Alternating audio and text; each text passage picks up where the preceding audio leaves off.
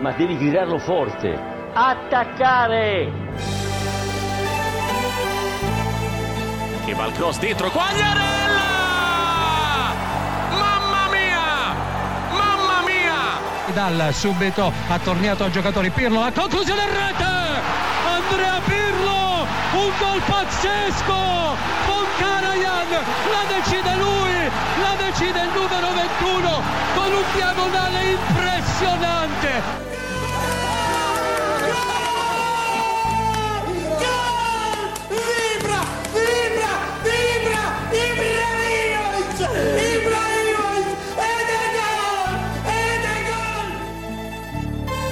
Dinsdagmorgen, 5 over 9. En het is weer tijd om de Italiaanse voetbalweek door midden te breken.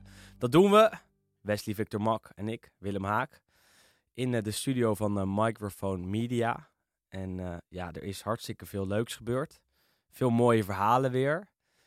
Even een vraag om makkelijk binnen te, ko- te, te koppen, Wes. En voor open goal eigenlijk. Is de Serie A de leukste competitie van Europa en misschien wel ter wereld? Natuurlijk. Niets anders, hè? Ja, maar ja, Er kan geen ander antwoord meer op worden gegeven. maar dit is toch al jaren ook. Ja, altijd al, wat, wat mij betreft. Zelfs in, eh, in 2010, toen het misschien wel... Of nou, niet 2010, 2012, 13, 14. Weet je, wanneer... eh, Ik denk dat het vooral... Het, het, grijze, het, het was zo grijs toen, weet je wel. Dat je, dat je eigenlijk wist wie de kampioen werd. Ja, nee, dat wel. Maar ik denk wel dat dit wel een van de, bij uitstek een van de competities is waar elke week iets gebeurt. Waar altijd iets, eh, altijd een verhaal is. Dat vragen mensen ook wel eens. Eh, wat is het Italiaanse voetbal en, waarom is het zo mooi?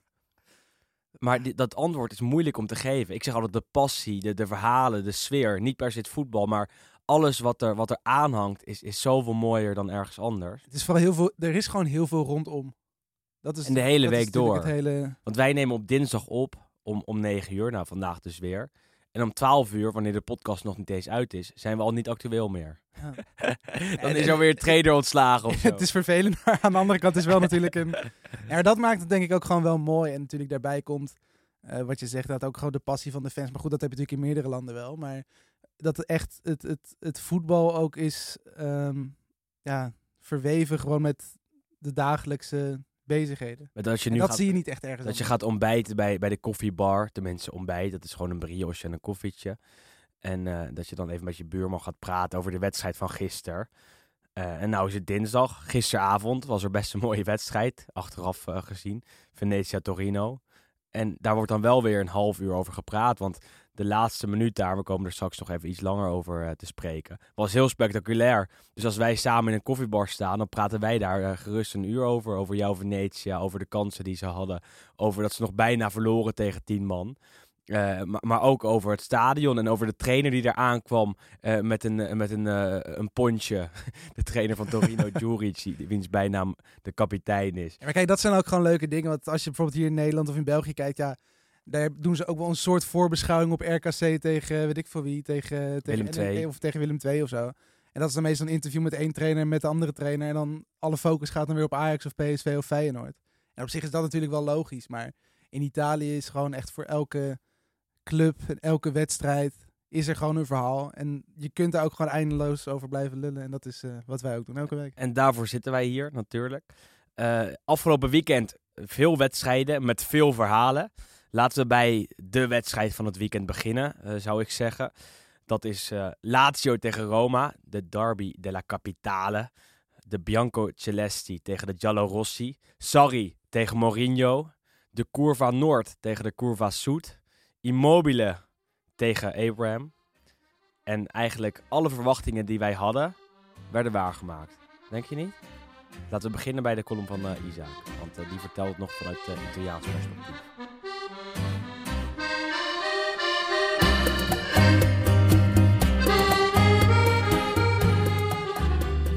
Buongiorno amici sportivi.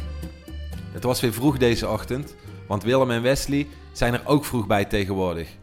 Maar gelukkig is de edicola altijd om 5 uur s morgens open. Maar mijn krantjes lagen deze ochtend niet klaar. Mijn amico van de edicola is Romanista. Toen Mourinho werd aangesteld en daarna Abraham werd aangetrokken, was hij de eerste die tegen me zei: O quest'anno si gioca per lo scudetto. Maar De Romanisti slapen al twee nachten heel slecht. La rassegna stampa per il tuo podcast te la scordi stamattina olandese, kreeg ik te horen toen ik de edicola binnenkwam. Dit is echt zo'n romanista, zo een die je niet eens in een lichtblauw overhemd ziet lopen. Toen ik zei dat Roma een rigore cadeau had gekregen, werden de kranten letterlijk naar me toe gegooid met de duidelijke mededeling: ma va fanculo va. Ik heb deze krantjes dus niet betaald. Nog niet, in ieder geval. Maar het zit hier diep, heel erg diep. De pesterijen, de grapjes over en weer en de discussies over wie nu de beste club van Rome is, begonnen vorige week al. En gisteren op kantoor was mijn collega Laziale ook niet aanwezig. Toen ik hem belde, kreeg ik aan de andere kant geen pronto te horen, maar alleen godo. Oftewel, ik geniet. Toen ik vroeg waar hij uithing, was het antwoord: Ho preso un giorno di ferie per godere. Il derby della capitale is niet zomaar een wedstrijd. Deze wedstrijd winnen betekent dat je maandenlang de andere helft van Rome kunt pesten. Tijdens de wedstrijd was het dan ook weer enorm stil op straat. Toen de doelpunten vielen, hoorde ik buiten zowel gejuich als gescheld. En gisteren werd er al groot Il Sarri Show gekopt. En ook vandaag in de Corriere dello Sport van Rome gaat het nog even door. Sarri in cinque mosse si è ripreso la Lazio. De topspelers kunnen zich uitleven. Er is meer vrijheid voor Milinkovic-Savic en Luis Alberto. En verder zijn de afstanden korter, is het balbezit constanter en zijn de buitenspelers altijd actief. En wat betreft Roma is er een andere kant van het verhaal. Un dossier sugli arbitri wordt groot gekopt door de Corriere. Verona, Udinese e Lazio. Troppi casi. Furia Roma. Er komt een officiële brief aan van Roma aan de FIGC. De rode kaart van Pellegrini vorige week, de niet gegeven strafschop in de derby, evenals de niet gegeven rode kaart aan Lucas Leiva in de derby. Maar ook de reactie van Zaniolo in de richting van de Laziali op de tribune toen hij richting de kleedkamer liep, wordt nog even onder de loep genomen. Hier zal nog wel even over gesproken worden de komende tijd. Ikzelf heb de wedstrijd meerdere malen bezocht in Stadio Olimpico, zowel in de Curva Sud als in de Curva Nord. Uiteraard zing ik de cori van beide clubs gewoon mee. Maar zondag heb ik vooral genoten van de strijd en passie in deze wedstrijd. En de vlijmscherpe counter waar Pedro uit scoorde tegen zijn oude club was echt fantastisch. De social media kanalen van Lazio strooien ook nog even wat zout in de wonden. Zij hebben een compilatievideo gepubliceerd met momenten van Roma. Ritenta, sarai più fortunato. Probeer het nog eens. Misschien zul je dan meer geluk hebben. Ik kan niet wachten op de volgende derby della Capitale. Alla prossima.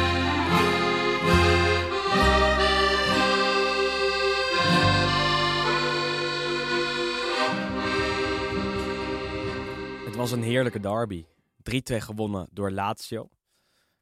In eh, het eh, geel-rode gedeelte van Rome is men boos. Begrijp jij waarom? Nee.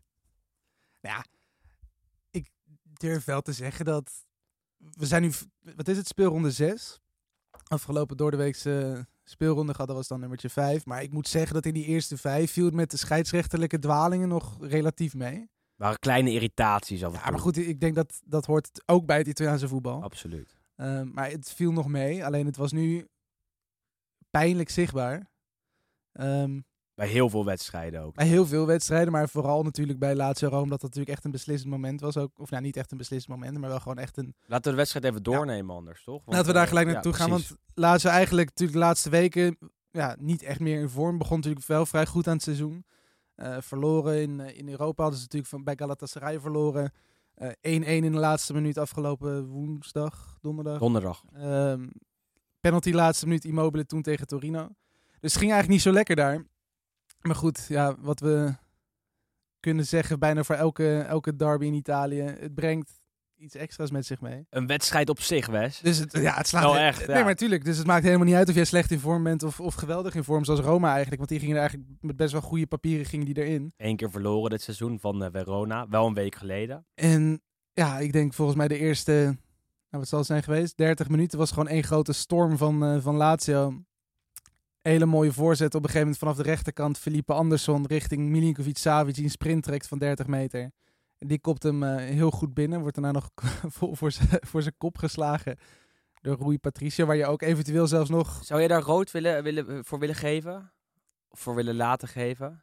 Voortaan? Ik had het niet, niet begrepen. Want hij, Patricio komt zeg maar uit met zijn armen helemaal gespreid. Dus dat is op zich normaal, want je wil de bal tegenhouden. Mhm. Maar op een gegeven moment heb je toch wel het gevoel dat hij die armen gewoon nog lekker extra lang gespreid houdt. Gewoon om iemand nog even mee te nemen tijdens Ja, is het na die kopbal. Dus ik snap, hij krijgt nu geel geloof ik. ik maar- vond het wel meevallen. Maar hij- de, de goal telde ook. Ja, en eh eh, Milinkovic Savic lag wel even op de grond. Was heel erg groggy. Maar kon gewoon doorspelen, gelukkig. 1-0, Wes. En niet veel later was het een eh, aanval van Roma. Volgens mij was eerst toen Zaniolo kopte nog een keer op de paal. Dat was ook nog daartussen, geloof ik. Toen nog een hoekschop of een diepe bal op Zaniolo. En die ging neer. Geen penalty. Discussiepunt. Volgens Hè? Mourinho eigenlijk alleen, want het was buitenspel eigenlijk. En volgens alle eh, Romanisti Ja. die ik langs heb zien komen. Ja, ik, ik zweer het, want ik heb gisteren eh, en, en ook eergisteravond even alles in de gaten gehouden. En heel veel eh, van die Romanisti refereerden aan dit moment waarom de scheidsrechter Guida slecht zou hebben gefloten. Alleen, en, eh, ik heb dit moment echt wel vijf, zes, zeven keer bekeken, denk ik. Ehm, het was een goedkope pingel geweest. Maar een overtreding was het niet. Nee, het En was ik- een en- klein, klein zetje. En ik denk dat het buitenspel was op het moment dat hij die bal überhaupt gegeven wordt. Dus als ze met de VAR hadden gekeken, dat ze hadden gezegd van ja, buitenspel was eerst. maar er werd Dus doorgespeeld. Dus dan vervalt hij alsnog. Dus er werd, en er werd doorgespeeld. En daar is Lazio natuurlijk wel goed in, counteren. Dus ze stonden volgens mij binnen 12 seconden stonden ze aan de andere kant. En eh, ja, uitgerekend voor de voeten van Pedro. Die wegging uit eh, Roma, omdat hij daar eigenlijk ja, Hij mocht, hij, plotsklaps uit de selectie werd gezet. persona non grata onder Mourinho. Die kenden elkaar ook al van een tijd bij Chelsea. Eh, en daar ging het ook al niet lekker. Eh, Toen kwam Roma eh, met Mourinho aan als nieuwe coach. Pedro. Eh, Pedro, dus had jij Pedro, ja, die, die, die, die, maar weg. En voor, de, voor, eerst, voor het eerst in 36 jaar dat een speler de overstap maakte van Roma naar Lazio. En, en andersom was hetzelfde geval geweest. Een overstap van de ene naar de ander. Is, nou, Het stond in de sterren geschreven dat Pedro zou scoren natuurlijk. Hij maakte hem goed af ook, Ja, hè? absoluut. Hele mooie goal. Ja. En, eh, en, en, en we komen zo ook nog bij een andere situatie. Maar als je hier kijkt naar deze 2-0, het staat 2-0 na 19 minuten. Dan is het wel perfect hoe Immobile weer wordt gebruikt hè, in zulke soort wedstrijden. Eh, hij is bij Italië niet in zijn kracht, omdat zij daar aanvallen. Zij zijn daar vaak de dominante ploeg. Mancini is een aanvallend ingestelde trainer geworden. Dat is hij bij Italië in ieder geval. Sarri is het ook bij Lazio.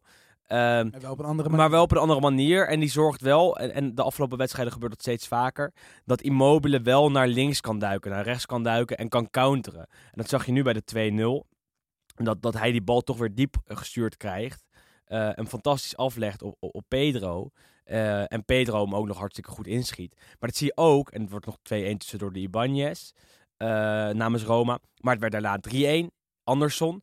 Weer wordt Immobile weggestuurd. Weer is een goede counter. En dan is er, denk ik, op dit moment in de Serie A geen betere spits die je kan hebben voor zo'n moment dan Immobile. Want hij is rustig, hij is snel, hij heeft techniek. Hij kan ook nog eens afmaken. Koos hij hier weer niet voor, want hij kapt hem achter zijn stambeen langs, legt hem af op Anderson. En eh Anderson, zijn beste wedstrijd na zijn terugkeer bij, eh, bij Lazio, maakt hem af. 3-1. Ehm, en eh, nou ja, dan denk je dat hij wel binnen is, toch? Eigenlijk. Maar dat was Ja. niet het geval eigenlijk. gevoelsmatig was die binnen voor Lazio. Alleen, het was dus inderdaad, en dan gaan we gelijk naar het echte moment van de, van de wedstrijd eigenlijk. Dat was volgens mij echt vijf, zes minuten later. Is een, eh, een schot van, ja, Zaniolo wordt geblokt. Zaniolo gaat er weer naartoe, schiet nog een keer. Maait langs de bal, gaat liggen. Scheidsfluit, penalty. Zaniolo staat heel snel op, juichen met publiek. En al die Lazio-spelers die staan er zo bij van, hè, wat is er hier even, wat is er hier zojuist gebeurd? En dan, nou goed, krijgen wij natuurlijk de, her- de herhaling op tv. Dat is dan het voordeel van eh, dat je niet in het stadion zit. En dan zie je een hoek. En dan wordt hij niet geraakt. Nee. Dan zie je een andere hoek en dan wordt hij niet geraakt. Dan zie je nog een hoek en dan wordt hij ook niet geraakt. Dan denk je van, ja goed, prima, die VAR, die gaat het ook zien. Je ziet nergens contact. Of tenminste, hij wordt heel even geraakt, maar dat is nog voor het moment dat hij überhaupt schiet. Dus dat was eigenlijk al Twee seconden eerder praktisch. Maar dat is wel de reden waarom ze hem wel blijven geven. Er gebeurt niks. Nee. En gebeurt- er gebeurt echt niks. Guida- En iedereen is aan het protesteren. Er staan Romanissi om hem heen, Laziali. Maar op een gegeven moment zegt Guida, nee, penalty. Het is gewoon een penalty. Mijn beslissing is goedgekeurd door de VAR. Nou ja, Verretou gaat achter de bal staan en maakt hem af. Maar ja, er is zoveel discussie omheen. Eh, want het is niet de eerste keer dat zo'n penalty wordt gegeven hè, dit seizoen. Want eh, bij, eh, wat was het, bij Genoa-Fiorentina kreeg Genoa in de, in de allerlaatste seconde nog een penalty. Crisito maakte hem af, maar daarvoor was een overtreding, wat echt geen overtreding was. De speler die werd aangeraakt tussen aanhalingstekens. Die gebruik ik wel goed. Thierry Baudet niet zo. Ehm, die werd aangeraakt, die eh, eh, werd helemaal niet aangeraakt. En toch zei de VAR, ja, het is een penalty, want eh, er is op enige manier contact geweest. En dat was hier ook zo. En ja, dan, dan kijk je en dan denk je toch, jeetje, als het straks nog 3-3 wordt, dan, dan zijn alle rapen gaar. Hè? Want dan heeft er weer zo'n scheidsrechtertje, zo'n zo'n zo'n zo'n eh, man die eigenlijk heel graag invloed op zo'n wedstrijd wil hebben, eh, het toch weer voor elkaar. Dat is nu niet zo. 3-2 bleef het uiteindelijk. Ja, je, Hey, nee, maar ik- vertwijfeling in je, in je gezicht. Ik, goed, ik, ik snap het scheidsrechterbestje. Dat snap ik. Maar goed, in dit geval, het kan best natuurlijk, want hij stond natuurlijk ook niet optimaal daarvoor. Ik, het, ik, ik kan best geloven dat hij vanaf zijn point of view, zeg maar, denkt penalty, prima. Maar goed, daar is dus de hele VAR voor. Want goed, een scheidsrechter kun je niet kwalijk nemen Ja, dat in een split second uit een andere hoek. Je weet natuurlijk niet waar hij staat, je weet niet wat hij ziet. Je hebt gelijk. Daar, die, die fout, tenminste als je hem dan geeft, kan ik nog inkomen. Maar zeker als je een VAR hebt met zoveel camerabeelden. En dat is natuurlijk gewoon heel pijnlijk. En zeker het feit dat bij zo'n licht contact, dat er ook niet even wordt gezegd van, nou, kijk dan in ieder geval zelf nog even. En dan maak daarop dan nog je beslissing. Je hebt helemaal gelijk. Dat is, dat is het- eh, een van de dingen, dus volgens mij zeiden we dat vorige week of de week daarvoor ook, dat dat iets is wat een VAR ook gewoon moet zeggen op het moment dat de beslissing heel erg licht is. En goed, dan krijg je daar natuurlijk allemaal weer gradaties in. Dus Ah. blijft lastig. Maar laat dan ook in ieder geval die scheidsrechter nog even kijken. Kijk, twee dingen. Eh, het scheidsrechterbestje is er natuurlijk met de jaren ingegroeid.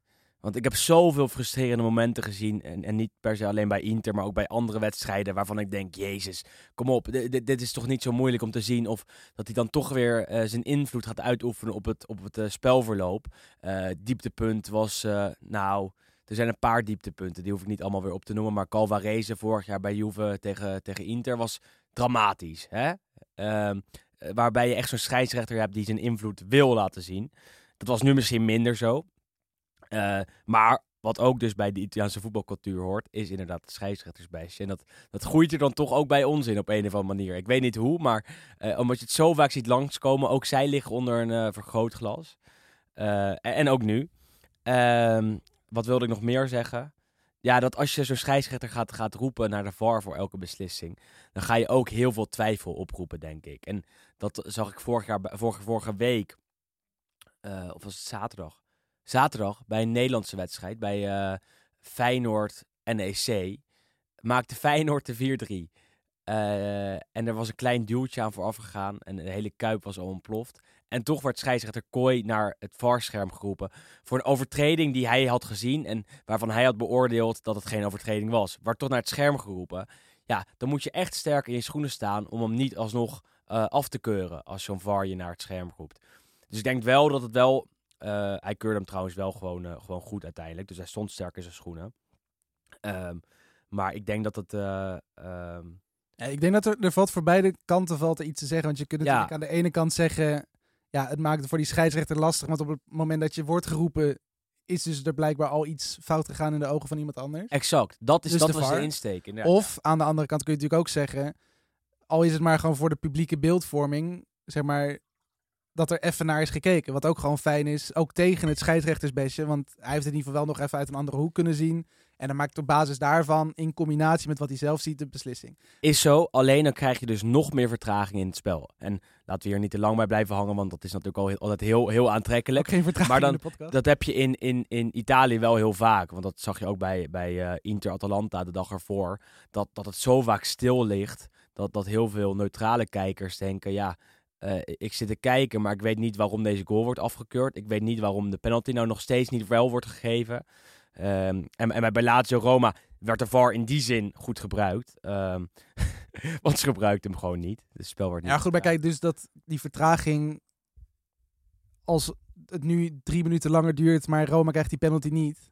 Ja, wie Ja, hoor, wie ik hoor ben je dan? ervoor. Ik Ja, tuurlijk, exact. dus kijk, het, het zijn allemaal, en dat is natuurlijk ook gewoon een beetje het lastige van het feit dat de VAR natuurlijk ook nog een relatief nieuwe uitvinding is. Ja. Dus er blijven nog steeds blijven er ja, verbeterpunten. Ja, laten we door, want de, Laat, de, de VAR is altijd aantrekkelijk en dan wordt in elke voetbalpodcast of voetbaltalkshow over gepraat. De FIFA mag ons bellen voor, Zo voor extra input. Voor advies, voor de rol van Marco van Basten. Maar goed, Lazio, ja, dat, wel tof. Exact, want ze wonnen met 3-2. En, en, en na die wedstrijd, en kijk, bij Lazio Roma is het wel echt zo dat een, dat een team dat thuis speelt, echt thuis speelt. Eh, de Romanisti zitten niet door de eh, Laziali heen eh, in het Olympico. De fans lopen niet door elkaar heen, zoals het bij Milan Inter wel het geval is. Dus het stadion ontplofte, want Lazio speelde thuis, had meer fans op de tribunes. En het was voor Maurizio Sarri, de Lazio-trainer, reden om echt nou, uit zijn plaat te gaan. Ik heb dat denk ik nog nooit zo gezien Hij heeft de titel gewonnen met Juventus, dus Ja. heb ik hem niet zo gezien. En, en toen was hij echt totaal kalm. Bij Chelsea won hij ook het een en ander. Eh, ging hij ook niet zo uit zijn plaat. Maar nu won hij de derby van, van Rome. En hij denkt, ik loop gewoon direct eh, na het eh, laatste fluitsignaal naar de harde kern.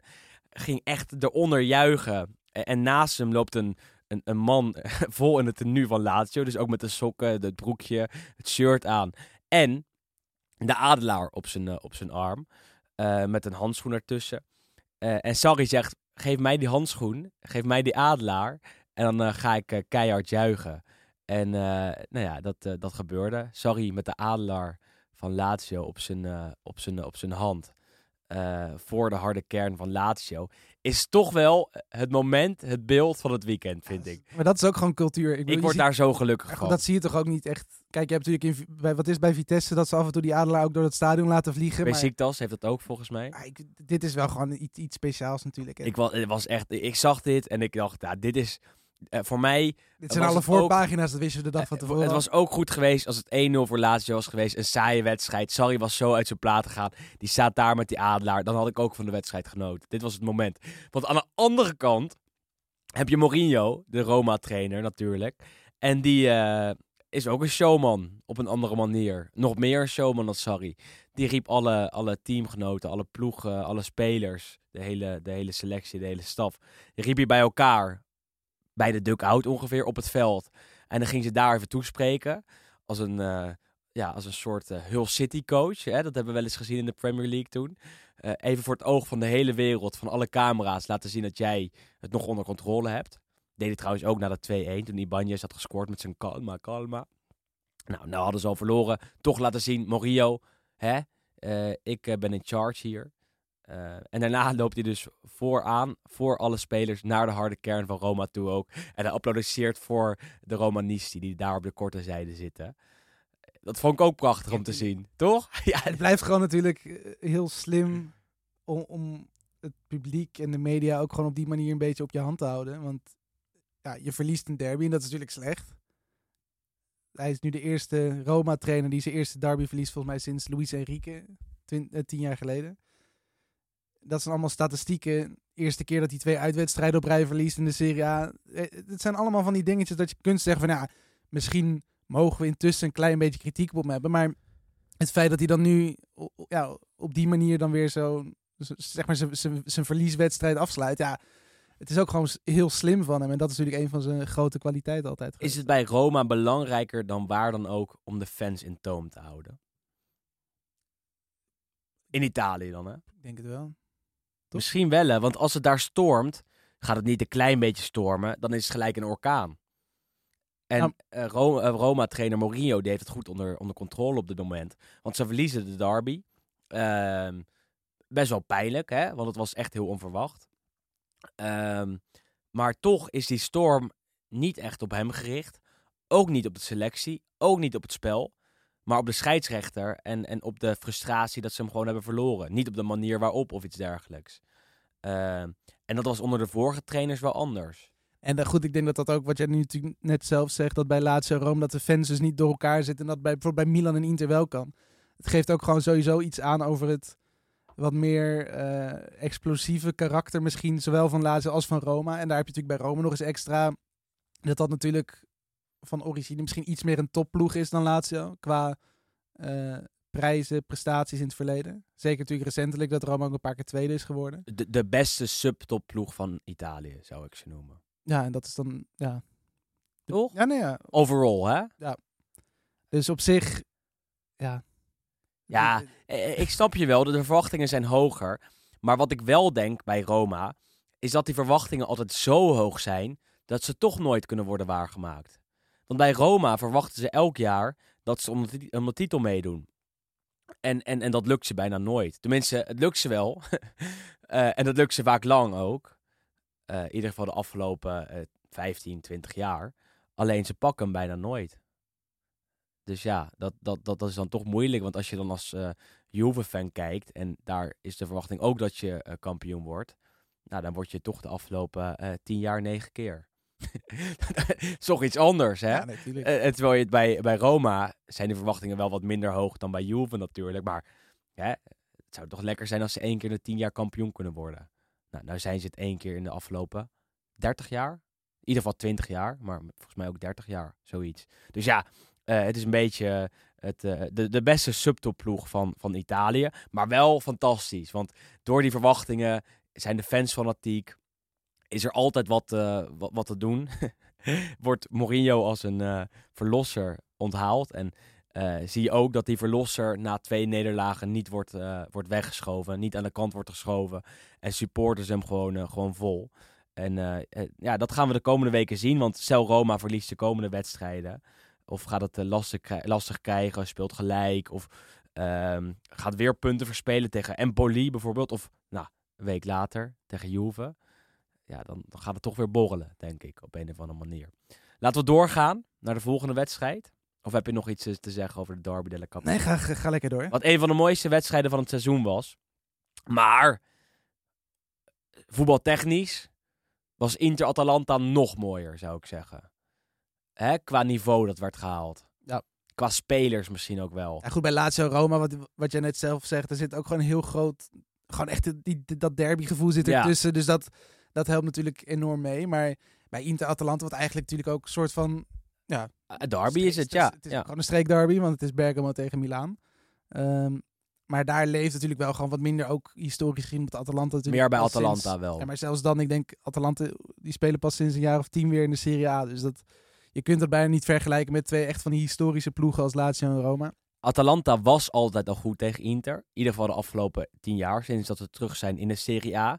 Behalve die ene keer dat het 7-1 Ja, exact. ja, maar maar ehm, ehm, ik kan me nog eh, een keer herinneren eh, waarbij Inter op zijn allerslechtst was. Eh, waarbij Tommaso Rocchi in, in de spits stond bij Inter. En eh, bij Atalanta eh, Giacomo Bonaventura fantastisch was. En German Denis, El Tank. Volgens mij werd het toen 3-4 of zo. Dat is een van de, van de, van de meest pijnlijke eh, Inter-Atalanta's die ik eh, heb gezien. Maar deze komt wel in, het, eh, in dat rijtje, denk ik. Als pijnlijk of als mooi?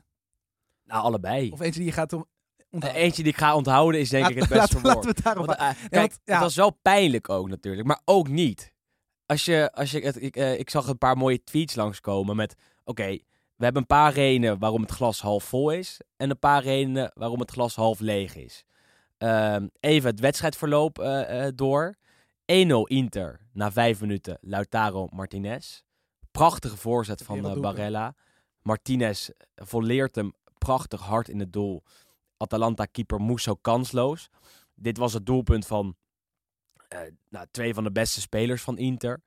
Eh, Barella, fantastisch aan het seizoen begonnen. Lautaro, sinds het vertrek van Lukaku, de nummer 1 in de spits. Hè. Ehm, eh, hij vervangt hem niet één op één, maar qua uithangbord is hij echt de man daar. En dat eh, pakt hij goed op en dat laat hij zien en hij scoort. En, Het is echt een werelddoelpunt. ja, het is echt een, oh. tenminste de eerste keer het natuurlijk gewoon live gezien. eh, ja, zeg maar niet zonder herhaling. En dan zie je van ja, mooi goal. Mhm. Maar pas als je hem op een gegeven moment uit een andere hoek ziet, zeg maar, zo schuin achter het, achter het doel en die bal is zo'n beetje vertraagd. Zie je eerst natuurlijk die prachtige voorzet van Barella. Ja. Die, die ze natuurlijk sowieso heel goed kan trappen. En dan zie je dus Lautaro springen, halve omhaal. En ook gewoon de manier waarop hij die bal raakt in die slow motion. Ja, dat is echt fenomenaal. Hij, hij, hij, hij, hij loopt er zo goed tegenaan. En eh, de vorige seizoenen had ik bij hem wel vaak twijfels, moet ik heel eerlijk zeggen. Maar hij is ook gewoon veel dodelijker geworden. Hij is dodelijker geworden en hij is constanter geworden. Want hij eh, is natuurlijk ook nog steeds jong. Ehm, Maar eh, de afgelopen twee jaar speelde hij ook al best wel veel. Zeker na het vertrek van Icardi. Of nadat Icardi tot de tribune was, was eh, veroordeeld. Ehm, en, en toen was hij nog altijd heel erg wisselvallig. En dat is tegenwoordig steeds minder het geval. Waardoor je echt van hem kan genieten. Toen was het 1-0 voor Inter. Eh, Inter dat de eerste 20, 25 minuten heel sterk was. Meer kansen kreeg. Zeko had moeten scoren. Ook nog een keer moeten voorzetten op Perisic. Eh, nou, daar kwamen geen goals uit. En als je hem eh, zelf niet maakt, dan is Atalanta wel een ploeg die dat afstraft. Fiorentina was dat midweeks niet, want toen werd Inter ook weggespeeld de eerste helft. Eh, maar bleef het bij 1-0 voor Fiorentina, waardoor Inter het in de tweede helft nog kon omdraaien. Dit keer werd het zelf omgedraaid, want Malinowski maakte de 1-1. Prachtig afstandsschot voor Atalanta. Eh, waarbij hij niet werd aangevallen door de centrale verdedigers van Inter. En als je iemand laat uithalen in Italië, Je het Ruslan Malinowski beter niet laten zijn. ook een fantastische goal hè. Elke, ja.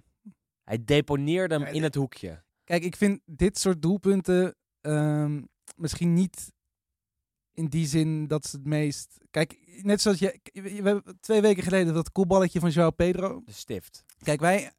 Ik denk dat wij allebei wel liefhebbers zijn van, zo, van de iets meer technische doelpunten. Dus gewoon waar ook een, een, een, een, een vorm van soort intelligentie in het afmaken zit. Dus bijvoorbeeld een, een stiftje, een lopje, eh, een bal die precies in een hoekje wordt ge- geplaatst, geschilderd, een mooie voorzet, een mooie vrije trap. Bijvoorbeeld laatst, wat was het, eh, tien jaar geleden of, of twintig? Nou ja, Totti. Tot die natuurlijk. En ook die bijvoorbeeld dat, dat in de, de finale Crespo tegen, Ja, ja, dat is, dat is, dat is tegen misschien Liverpool. van Dat, ons- ja. dat zijn gewoon van die doelpunten dat gewoon technisch... 2005, Milan-Liverpool. De, eh 1, de 2-0 volgens mij. Ja. Of, misschien zelfs de 3-0. Dat, dat Crespo hem fantastisch over... Je krijgt er dan van. Kaka, prachtige Ja. bal. En ja, dat, dat, dat vind ik echt mooie doelpunten. Maar zo van die keiharde kanonskogels. Ja, Malinowski is denk ik een, bij uitstek de speler die dat kan.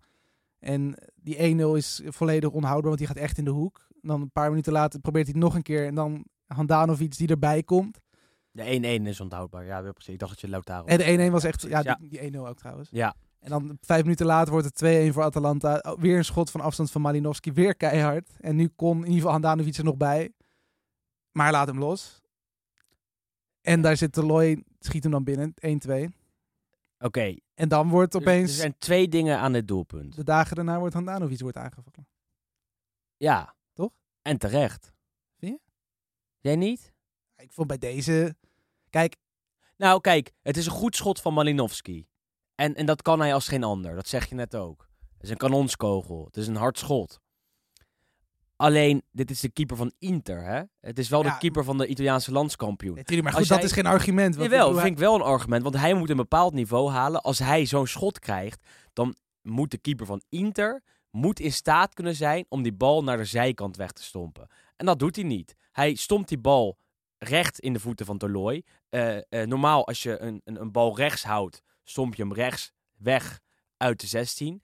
Handanovic deed het tegenovergestelde. Die raakt die bal verkeerd met zijn handen, waarbij hij eh, de bal naar links gaat. En inderdaad, dan is het hele doel ongedekt en kan hem leeg, eh, voor een leeg doel inschieten. En daarop schaf ik Handanovic af. Maar ik vind. Ja, nee, oké, prima. Goedkoop, vind je? Nou, ik vind meer van, ik denk dat die man de laatste twee seizoenen zoveel fouten heeft gemaakt. En dan hoor je praktisch niemand. En nu is het opeens op, op een goed schot. Tuurlijk, hij verwerkt niet goed. Maar ik denk echt niet dat dit zijn grootste fout is de laatste maanden. en dan nu je- zie je opeens overal spandoeken van... Oh, Samir, we steunen je. En Nee, bla, bla, maar, bla. maar, maar je hoort echt al, eh, ja, maar goed, al een jaar maar hij is toch, hij is toch bij VAR niet goed genoeg voor Inter? Nee, nee, maar dat hoor je al een jaar of, of anderhalf jaar. Dat hebben wij vind- hier nee, vaak tuurlijk, gezegd. Dat zie je wij- vaak... eh, wel, maar de- ik de- vind eh, het zie je vaak op, op, eh, ja, in de Italiaanse grote media niet, maar in de, in de kleinere wel. In ieder geval de Intervolgers zeggen dit ook al. Ja, al natuurlijk, maar ik vind het opvallend juist na dan dit. Wat ik vond dit nou niet zijn grootste fout die de laatste jaren heeft gemaakt. En nu zwelt het opeens weer aan. En dat vind ik dan wel. Ja, omdat het zich opstapelt. Hij heeft een fout gemaakt tegen eh, Verona eh, dit seizoen. Maar dat, dat waren veel grotere fouten. Absoluut, maar het, het stapelt zich op. Het zijn, eh, als je, ik zag een lijstje langskomen van de goals die Inter tegen heeft gekregen. En die gaan we niet allemaal langs. Maar bij 3 à 4 is eh, Handanovic een van de hoofdschuldigen. En dat kan je niet hebben van de Interkeeper. En dat bedoel ik ook met dit moment. Oké, stel hij keept een fantastisch seizoen. Dan schaf je hem hier niet zo op af. Eh, maar hij keept al een slecht seizoen. En die staat al 1-1 tegen Atalanta. eh, wat echt een hele goede ploeg is. Als dan ook nog eens 1-2 wordt, weer door een fout van je keeper, of een foutje in dit geval, dan, dan snap ik dat eh, de kritiek aanzwelt en dat ook in de Italiaanse media wordt geschreven dat het tijd is om hem te vervangen. Maar dat was ook al eh, na de wedstrijd tegen Verona. Dat was ook Ja, al. goed, als, als je, als je naar Lo Fiorentina. Stadio luistert, dan is het Als al ze een naar tijd stadio luisteren, dan is het al anderhalf jaar zo. Ehm, m- maar, maar ja, als je fouten maakt. Hetzelfde is in, in, in het werk, toch? In, in welk werk dan ook. Als jij één keer een foutje maakt, is het echt prima. Als je twee keer eh, maakt, zegt iemand: kom op, let er volgende keer wel even op. Als je hem voor de derde keer maakt, dan eh, eh, krijg je wel een keer kritiek. Bij Handanovic is het niet de derde keer dat hij die fout maakt. Of dat hij niks doet. Of dat hij het verkeerd aanpakt. Of dat hij schuldig is aan een tegendoelpunt van Inter. Het is inmiddels al de vijfde keer of de, de tiende keer in, in, in, in, in anderhalf seizoen. En dan kom je bij het moment om hem te vervangen. En dat is alleen maar niet gebeurd omdat Inter geen geld heeft. Maar op de lijst staat eh, Onana van Ajax. En dat zou, eh, denk ik, een goede vervanger zijn. Al zou ik, als ik hem was, ja, dus ik weet niet of ik naar Inter zou gaan, eerlijk gezegd. Uit meerdere eh, eh, overwegingen. Aan de andere kant gaat hij daar wel zeker keepen. Is hij dan de vervanger van Andanovic? En, eh en keept hij eigenlijk elk jaar wel in de Champions League op die manier. Nou, een van de kijkersvragen is al beantwoord. Ja, nee, ja, hey, zie je? Nee, nee, exact. Ehm, Tweede helft. tweede helft ehm, eh, begon Atalanta goed. Nog een keer de binnenkant van de paal geraakt. Eh, nog wat andere kansjes. Eh, maar wordt het uiteindelijk 2-2 door Eden Zeko. Omdat Federico Di Marco, die fantastisch inviel, eh, tegelijkertijd met Dumfries erin kwam. Eh, nou, het, het, het, echt hartstikke goed deed. Daar schuift hij de bal tegen de handen van Atalanta-keeper Musso. Wel een fantastische keeper. die ook andere hele goede reddingen in huis had. Maar bij deze verwerkte hij hem niet zo goed. Kon ook niet anders. Zeko tikt hem voor een leeg doel in. Het is 2-2. En, en dan begint de rollercoaster pas echt, toch Wes? Want, want op dat moment eh, gaat het helemaal los. Eh, de Interstorm eh, begint daar pas. Op jacht naar de 3-2.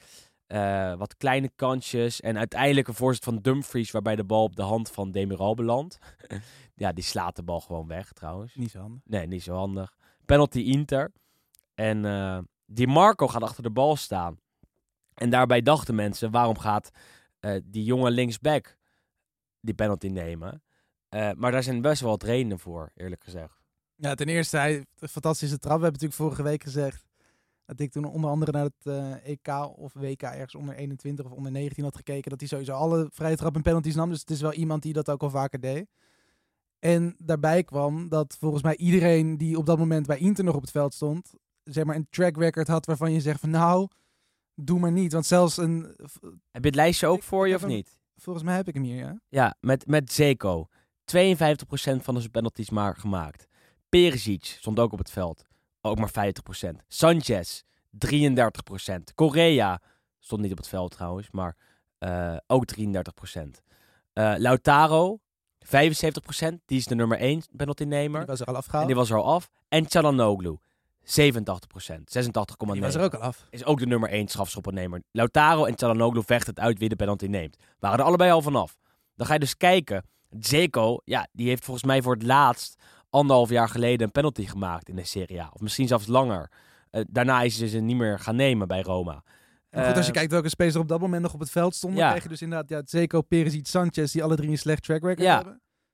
En verder Brozovic en dan verdedigers en keepers. Dus ja, dat, En Barella had nog gekund. Die stond nog op het veld volgens mij. volgens mij was hij er ook al. Oh, was hij er ook al vanaf? Ja. Want die... Oh, nee. nee. Barella stond er nog op. Er nog En, en dat is wel een speler waarbij ik dan in mijn hoofd een beetje eh, over denk. Dat ik denk, ja, dat had nog wel gekund. Want dat is wel iemand die, die, die zo'n leiderstaak op zich kan nemen. Die volgend jaar aanvoerder is van Inter. En die ook een goede trap heeft. Maar die komt niet in die lijstjes voor. Ik weet niet waarom niet. Eh, misschien omdat hij heel erg onrustig is in zijn doen en laten. Eh, dat, dat zal waarschijnlijk de hoofdreden zijn. Ehm, maar die Marco is een jongen die vroeger op de, op de harde kern stond van Inter. Op de Curva Noord. eh, die nog nooit in San Siro had gescoord namens Inter. Eh, en die dan hier in de 3-2 moet gaan maken in een heel belangrijke wedstrijd. Dan denk ik, ja, dat is ook wel heel veel druk hè, die zo'n jongen dan op zich krijgt. Of, of moet je dat er niet in meenemen? Moet je er dan van uitgaan, zijn goede trap ehm, brengt hem wel naar een doelpunt? Ja, normaal gesproken wel. Maar goed, ja, kijk, het is een beetje natuurlijk hetzelfde verhaal als wat we in die EK-finale hebben gezien. Dat al die jonge jongens, uiteindelijk de laatste, eh, voor Engeland dan, al die jonge Engelse gasten, dat die dan de laatste penalties moeten nemen. Je kunt aan de ene kant kun je zeggen, ja, waarom geef je die, leg je die druk daar? Maar aan de andere kant, wat jij ook zelf zegt nu met, je kan ook als leider, in dit geval zijn de Barella, kun je ook zeggen van, nou, ik doe het dan wel. Ja, Dus alleen... het zijn voor eh, beide ehm, kanten valt er misschien iets Heeft. Inzaghi zei na afloop, de Inter-trainer, ik heb besloten wie de penalty neemt, of nam. Eh, en dat was die Marco. Eh, en als ik dat zeg, dan gebeurt dat. Dus het valt hem niet te verwijten. Hij heeft een goede trap, maar hij legt hem op de lat. dus het bleef 2-2. Eh, en eigenlijk in de directe tegenaanval maakt Atalanta de 2-3. Dan zit je als Inter-fan alweer te kijken en te denken, oh, eh, zo typisch. Zo typisch. Want dit is echt, echt iets wat eh, bij Inter vaker gebeurt dan waar dan ook, denk ik eerlijk gezegd. Zoiets, hè. Dat zo'n Gevoelsmatig sowieso. gevoelsmatig sowieso. Het zal vast statistisch niet zo waar zijn. Maar als het bij Inter gebeurt, dan, dan, dan voel je de hele blinde paniek weer eh, om en rond de club gelijk weer opwellen. Ehm, hierbij werden De Vrij en Dumfries eigenlijk allebei weggezet in één beweging. In één schijnbeweging of één klutsbal. Waarbij Piccoli, de spits die we hier ook een keer behandeld hebben, hem eh, afmaakte. Handanovic zag er weer niet goed uit, moet ik weer eh, heel eerlijk zeggen. Natuurlijk. Eh, want hij, hij kan die bal redden, doet hij niet goed. En de bal rolt over hem heen het doel in. Eh, Atalanta juicht. Prachtig juichen van Torlooi. Heb je dat gezien? Dat hij eh, naast het doel door zijn knieën zakt en zo eh, met zijn vuisten. eh, Dat is de Europees kampioen dan, hè? Dus dat is, ja, toch- ja, dat is toch prachtig? ziek, hè? Naar de harde kern kijken. Ja, jongens, we hebben het gedaan. We gaan winnen bij Inter. Maar nee. Want de bal was al uit geweest. Handanovic wordt weer gered eigenlijk door, Ja. door zijn fout. dit Door. Handanovic, ja. Dus dat is wel dat is bijzonder, want op een gegeven moment gaat inderdaad een bal richting achterlijn. En hij wil hem op onbegrijpelijke redenen, wil hij met zijn voeten wil hij weer een soort van terug het veld in trappen of zo. En dat gaat dan mis en dan vervolgens gaat die bal erin. Alleen Handanovic wordt inderdaad gered door het feit dat hij zo langzaam en zo onhandig is. En dat het hem gewoon 20 seconden duurt voordat hij bij die bal is. Dus uiteindelijk ziet de VAR dat die bal net de achterlijn is gepasseerd. Dus ja, het is gewoon een hoekschop. Ja, en dat, dat, dat wordt dan in Italië niet goed in beeld gebracht. Want eh, ik kan me voorstellen dat zij Minne Groens tegen... eh, toen ik tweette dat de Serie A ongeëvenaard was in zijn spektakel. Toen zei Minne... eh, ik vind het wel meevallen, want ik weet eigenlijk al drie minuten niet waarom dat doelpunt wordt afgekeurd. En daar zit natuurlijk wel verbeterpunt in. Want nergens anders in Europa of, of, of, of op, op televisiegebied besluiten ze om het dan niet te laten zien. Behalve in Italië, omdat het dan te veel discussie oproept of iets dergelijks. Want ehm, ja, alles wordt gecheckt en dan zien wij niet waarom eh, ze het aan het checken zijn. Eh, en dat duurde en duurde en duurde. Uiteindelijk was de bal uit geweest. En afgekeurd werd het 2-2. Allebei de trainers eigenlijk wel tevreden. Eh, Gasperini zei na afloop... we hadden kunnen winnen, we hadden ook kunnen verliezen. Ik heb een mooie wedstrijd gezien tussen twee goede ploegen. Twee ploegen die wilden aanvallen en daar heb ik van genoten. En eh Inter-trainer Inzaghi zei eigenlijk hetzelfde. Ehm, op de vraag of het niet wat zakelijker moet bij Inter, zei hij: Ja, ik geniet er eigenlijk wel van, want we vallen aan. En dan is het natuurlijk logisch dat je af en toe wat meer tegenkrijgt dan, eh, dan dat eh, onder Conte het geval was. Ehm, maar we zijn aan het groeien en we, we zijn beter aan het worden. En 2-2 tegen Atalanta is niet hartstikke slecht. En voor Atalanta was het ook niet zo, hartstikke, niet zo hartstikke Ik, slecht. ik wil nog wel een mooi Gasperini feitje tegen dat dit de eerste keer, want op een gegeven moment Toloi maakt dus de 1-2. En dat was de allereerste keer dat, Atal- of dat hij in San Siro tegen Inter op voorsprong stond. Oké, na zijn ontslag. Nee, Überhaupt. überhaupt. En hij is trainer geweest van Inter. Hij heeft nooit, Oh. op, hij heeft nooit op voorsprong gestaan in het San. Siro. En dit was nu de eerste keer. En dan ben je was- Inter trainer geweest. Hij dat is was ook mooi iets meer dan 30 dagen maar trainer van Inter. Werd gigantisch snel de laan uitgestuurd. En daarom is het voor hem ook altijd heel, tijd- altijd heel belangrijk om te winnen van Inter. En dat gebeurt dan meestal in Bergamo en niet in Milaan. Ehm, dus de wedstrijd met veel sentimenten voor hem. Eh, het werd 2-2, eh, een puntendeling. En dat waren de twee hoofdwedstrijden van ons, denk ik, voor, eh, voor deze week. Gaan we de rest nog even langs, anders blijven we overal heel, heel lang hangen. Eh, en er waren overal wel wat eh, mooie angeltjes, wat mooie verhaallijnen. Eh, wat te denken van bij Spezia Milan, waar Daniel Maldini in de basis startte. Zijn basisdebuut, de zoon van Paolo en de kleinzoon van, eh, Cesare. Cesare, ja, ik was zijn naam heel veel kwijt, moet ik heel eerlijk bekennen. Mag eigenlijk niet, hè? Mag eigenlijk niet. Maar, ehm, en, en Daniel heet niet Daniele. Nee, Daniel. Dat, dat viel me ook op. internationale... Ja, voor internationalisering van de familie Maldini. Ehm, hij is een aanvallende middenvelder. Staat bekend als een, eh, een talent. Niet als een gigantisch groot talent, toch? Nee. Gewoon een, een prima speler. Kan, kan doorgroeien tot mogelijke basisspeler Maar bij goed, dat Milan. werd ook gelijk gevraagd van is dit dan inderdaad, zeg maar, iemand in de... Ja goed, Cesare was een geweldige speler. Ja. Paolo was een fantastische speler. Ja. En er wordt nu gezegd, is, is Daniel Maldini dan inderdaad een, zeg maar, een goede speler? Of is het inderdaad gewoon iemand die een beetje geluk heeft met zijn achternaam? Want, Ja, ik twijfel daarover. En, en niet alleen met zijn achternaam, maar ook met het baantje van zijn vader. ja, natuurlijk. maar goed, en ik denk ook...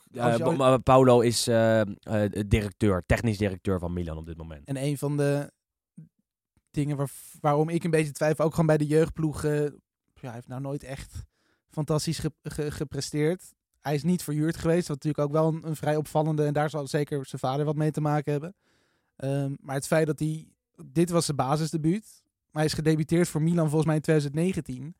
En dat is, dat is twee jaar geleden. Dat je ook denkt, vind, er zit ook niet echt een, een plan achter voor je gevoel. En het is nu goed Nee, dat hij de kans hij is krijgt. en- prima. Alleen, alleen de, de insinuatie dat hij zou spelen omdat zijn pa technisch directeur is van Milan, daar sta ik niet Nee, achter. nee, nee, nee, dat, dat, zeg jij ook niet hoor, maar dat werd, werd op, eh, eh, eh, op Twitter geïnsinueerd. Het is vooral in, het is, dit, ja, het is nu gewoon heel interessant. Hij heeft nu zijn basisdebuut gemaakt, gescoord. En het is nu aan hem om het een vervolg te geven. En ik ben wel benieuwd hoe ver hij het inderdaad gaat schoppen. Maar Hij scoorde trouwens op een mooie voorzet van Kalulu, die de afgelopen weken speelt en veel indruk maakt.